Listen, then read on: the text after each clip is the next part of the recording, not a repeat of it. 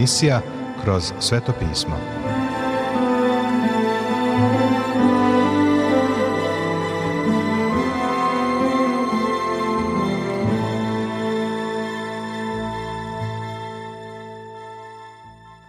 Dobroveče, poštovani slušaoci i dobrodošli u još jednu emisiju programa Kroz sveto pismo, programa koji je za vas napisao Vernon McGee, a pročitao Branko Bjelajac. Želimo vam prijetno i blagoslovljeno slušanje.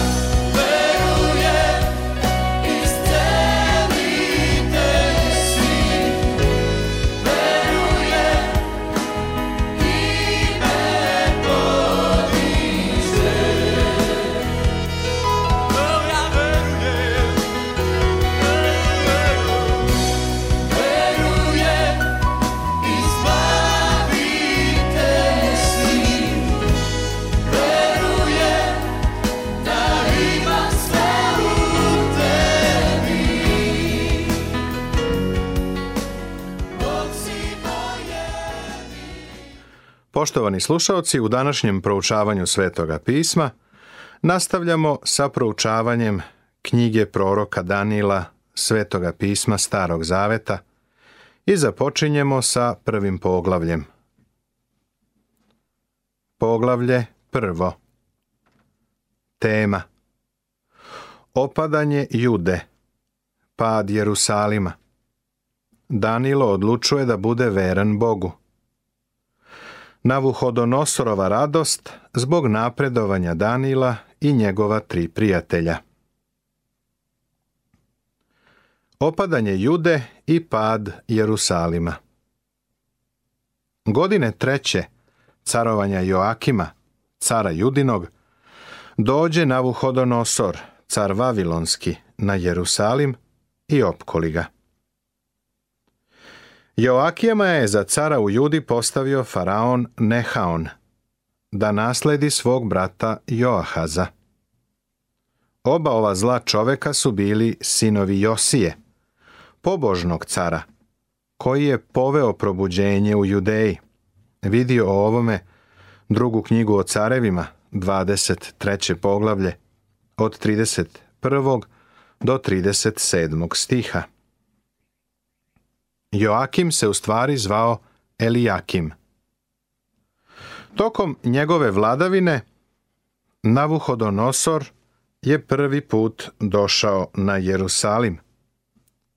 Vreme tog događaja je bilo oko 606. godine pre Hrista.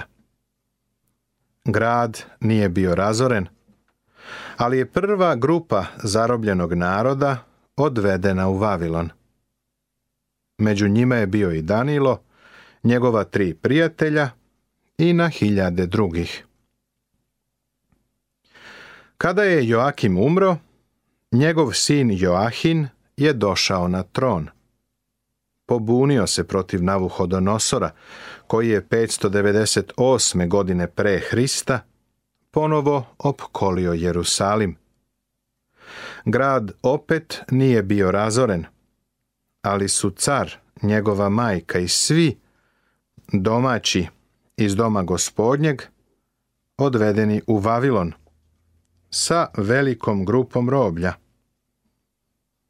U ovoj kasnijoj grupi je bio i Vidi o ovome drugu knjigu o carevima, 24. poglavlje, od 6. do 16. stiha. Sedekija, Joakinov stric, je potom postao car i također se pobunio protiv Navuhodonosora. Ovaj put Navuhodonosor je krenuo na grad, razorio hram i spalio Jerusalim. Sedekijini sinovi su pred njim pobijeni, a njemu su zatim iskopali oči. U posljednjoj deportaciji i on je odveden u Vavilon negde oko 588. ili 587. godine pre Hrista. Sve ovo predstavlja ispunjenje Jeremijinog proroštva, napisanog u knjizi proroka Jeremije u 25. poglavlju od 8. do 13. stiha. I Jeremija i Jezekilj govorili su narodu da lažni proroci greše i da će Jerusalim biti razoren. Ova dvojca su bila u pravu. I gospod mu dade u ruku Joakima, cara Judinog, i deo sudova doma Božijeg i odnese ih u zemlju Senar, u dom Boga svog i metnu sudove u riznicu Boga svog. Ovaj put su u Vavilon odneseni samo neki sudovi. Preostali deo je preseljen kada se Joahin predao. Vidio ovome drugu knjigu o carevima, 24. poglavlje, 13. stih. Navuhodonosor je uzeo te sudove i odneo ih u zemlju Senar, u dom svoga Boga. Ovo treba da zapamtimo, jer će ih kasnije car Valtazar, verovatno Navuhodonosorov unuk, izvaditi tokom gozbe. I reče car Asfenazu, starešini svojih dvorana, da dovede između sinova Izraelovih, i od carskog semena, i od knezova. Navuhodonosor je uvek za sebe uzimao najistaknutije ljude, između zarobljenika iz bilo kog naroda verovatno im je davan test inteligencije, da bi im se procenio količnik. Izabrani ljudi su bili obučavani za mudrace, koji će savjetovati Vavilonskog cara. Videćemo ćemo da je Danilo bio u jednoj takvoj grupi i da ih je car konsultovao. I reče car Asfenazu starešini svojih dvorana, Evnuha. Deveti stih takođe kaže I dade Bog Danilu te nađe milost i ljubavu starešine nad dvoranima, Evnusima.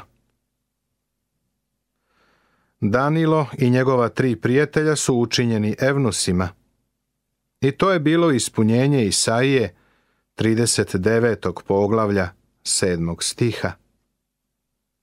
I sinove tvoje, koji će izaći od tebe, koji ćeš roditi, uzeće da budu dvorani. Kod njih piše Evnusi. U dvoru cara Vavilonskog. Najveći deo konzervativnih teologa se slaže sa tim da je Danilo odveden u ropstvo kada je imao oko 17 godina. Postao je evnuh. Zato je jasno zašto se nije ženio niti je imao decu. Neki se pitaju kakav je čudak Danilo bio. U stvari nije bio čudak. Car se ponašao kao čudak ali to nije uništilo mentalni razvoj ovih mladića. Zbog toga su caru samo postali poslušniji, a to im je omogućilo da celokupno vreme posvete proučavanju onoga što im je povereno. Siguran sam da i danas važi ono što je važilo u vreme kada sam ja studirao – Pola vremena sam provodio na sastanku. Dobro sam se provodio. Dosta sam učio, ali sam mogao i mnogo više. Ali vidiš, car je želeo da ovi mladići sve vreme provode u učenju, a da bi to postigao pretvorio ih je u evnuhe. Danilo je bio u ovoj grupi. Mladiće na kojima nema mane, i koji su lepog lice i naučeni svakoj mudrosti i vešti znanju i razumni i koji mogu stajati u carskom dvoru, pa da ih uči knjigu i jezik haldejski. Želim da znaš da sveto pismo nije pisala gomila tupana, niti ljudi neznalice. Mojsije je bio naučen celokupnoj egipatskoj mudrosti. Egipćani su bili vrlo napredni. Poznavali su rastojanje do sunca i znali su da je zemlja okrugla. Kasnije je naišlo nekoliko Grka koji su zemlju pod navodnicama poravnali. Bili su to tadašnji pod navodnicama naučnici. Vidiš, nauka je tvrdila da je zemlja ravna. Biblija to nikada nije rekla. U stvari, u Bibliji piše da je zemlja okrugla, vidi knjigu proroka Isaije, 40. poglavlje, 22. stih. Danilo je kao mladić bio izuzetan. Sigurno se visoko kotirao na listi mladića koji su testirani na dvoru Navuhodonosora. Apostol Pavle – koji je napisao veliki deo Novoga Zaveta, također je bio visokih intelektualnih sposobnosti. Svi ovi sjajni mladi ljudi bili su upoznati sa tadašnjim saznanjima. Zamaraju me takozvani intelektualci koji se ponašaju kao da je sveto pismo pisala grupa neznalica. Ako tako misliš, varaš se. Danilo nije bio blesav. Bio je sjajan mladić i opremljen znanjem koje je imao mali broj ljudi. Ne podcenjuj znanje toga doba.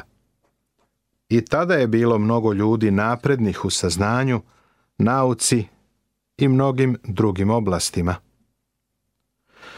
Danilo će se sa svim tim upoznati.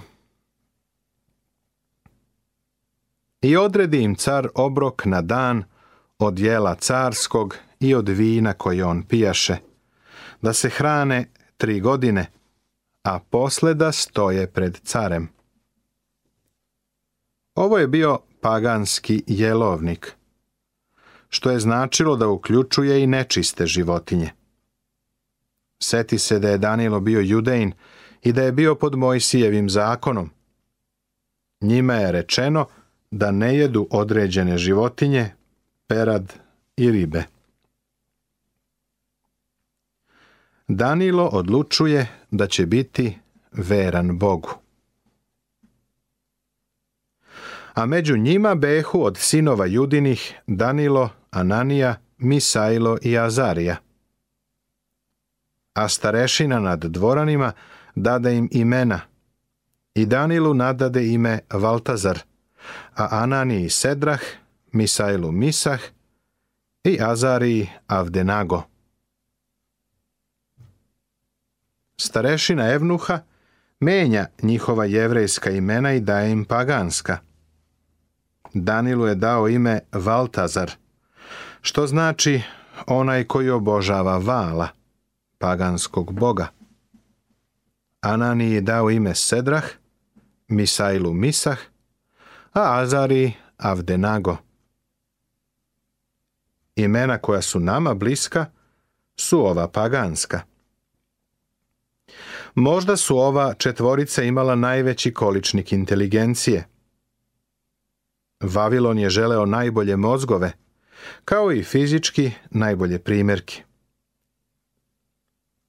Ova četiri mladića iz Jude su izdvojena i mi smo sa njima upoznati a razlog za to je što će oni stati za Boga. Ako su svi oni bili istog doba kao Danilo, rekao bih da su imali oko 17 godina.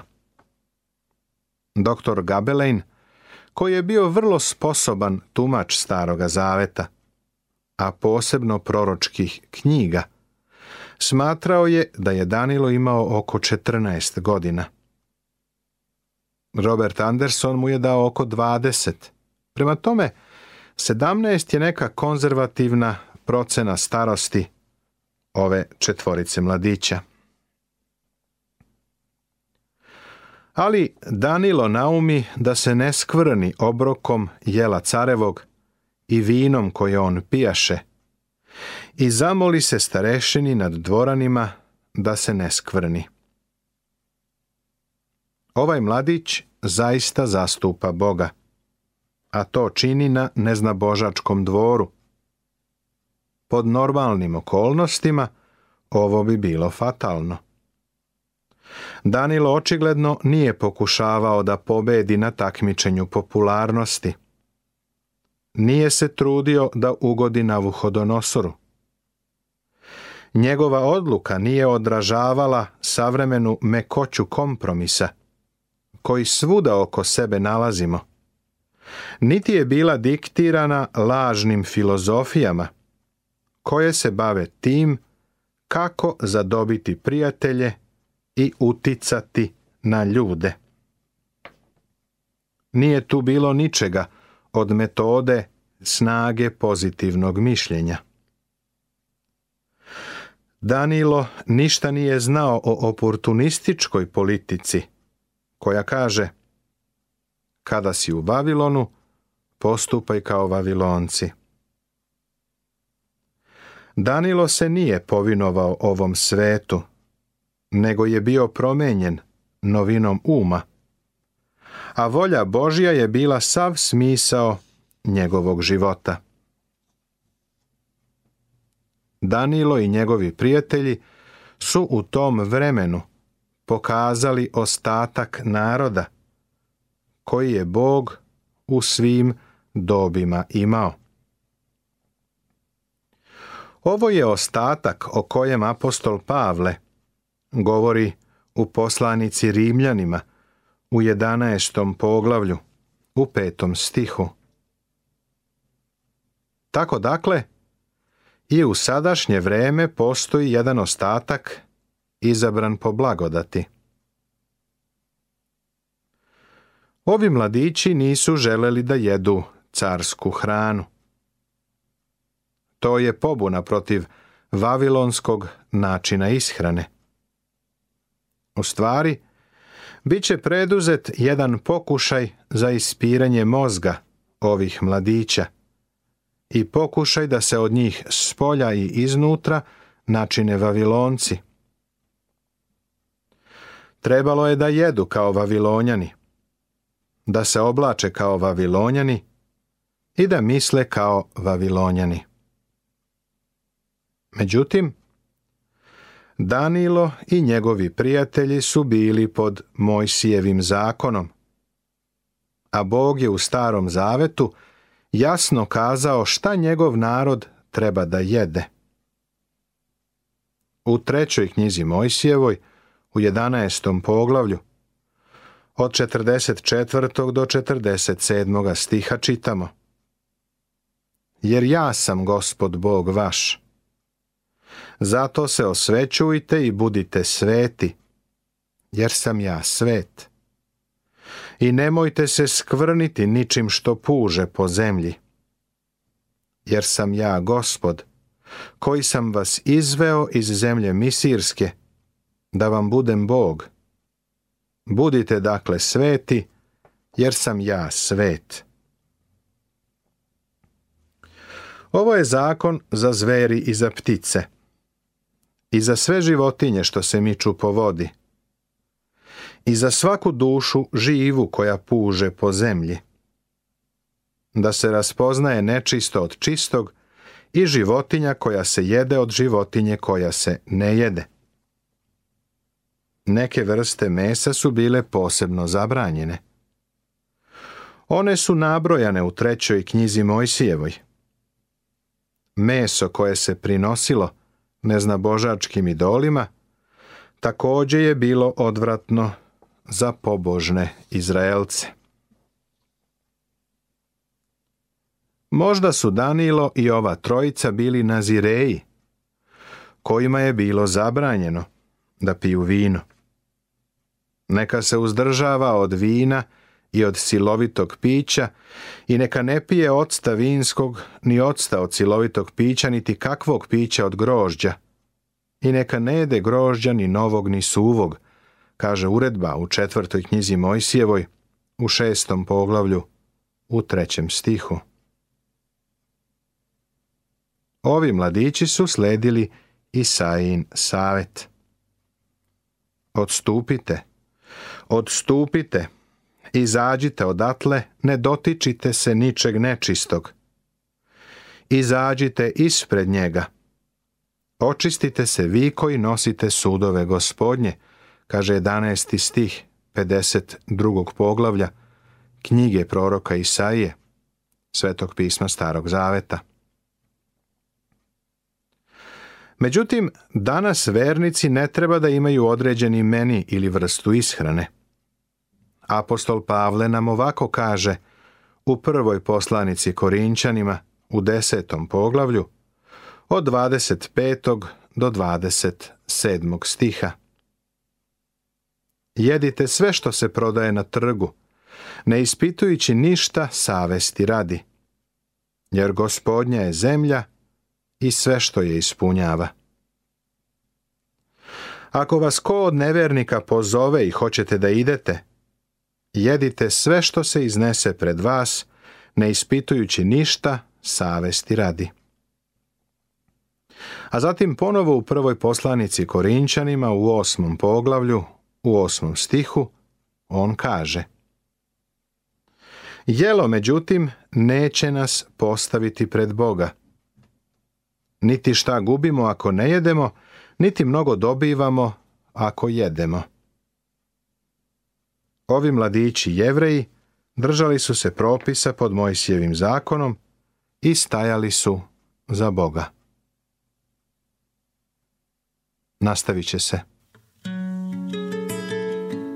Čuju se, vladičice moja, tvoje molitve i čuju moljenja tvoje. Tvoga sina su uhvatili, ko ubicu vode, ko kradljivcu sud, evo ga u okovima presveta čim to ču, izgubi svest, pade. Krčagu vode polivaju sa tri bokala mirisnog ulja. Kad joj se povrati razume kada dođe svesti, traži da nju nož poseče, oganj da spali.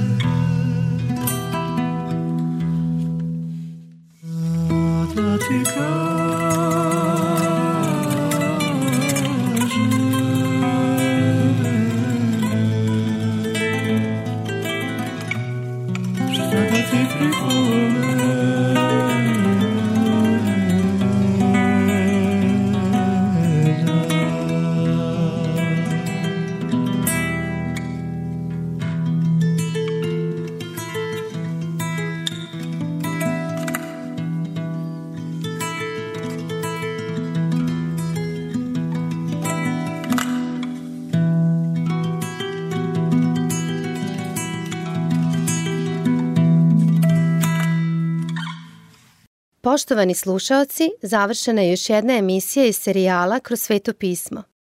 Ovaj program možete da slušate svakog radnog dana na talasnoj dužini od 1548 kHz u vremenu od 22 sata do 22 sata i 30 minuta. Ukoliko želite da nam se javite, da nas pohvalite ili pokudite, da nam predložite izmene kojima bismo mogli da poboljšamo naš program, ali i da vas nagradimo kakvom dobrom hrišćanskom knjigom, Novim Zavetom ili celom Biblijom. Na raspolaganju su vam telefon, elektronska pošta ili obična pošta. Broj našeg telefona je plus 381 062 396 331. Adresa redakcije glasi Poruke, Poštanski fah 37 11060 Beograd. Elektronskom poštom nas možete kontaktirati na krosvetopismo at gmail.com. Također pripremili smo vam i web stranicu na kojoj možete pronaći sve naše programe. Adresa web stranice je www.twr.com serbija.org. To bi za večeras sa naše strane bilo sve. Pozdravljaju vas i žele vam Božji blagoslov Branko, Nebojša i Monika. Laku noć.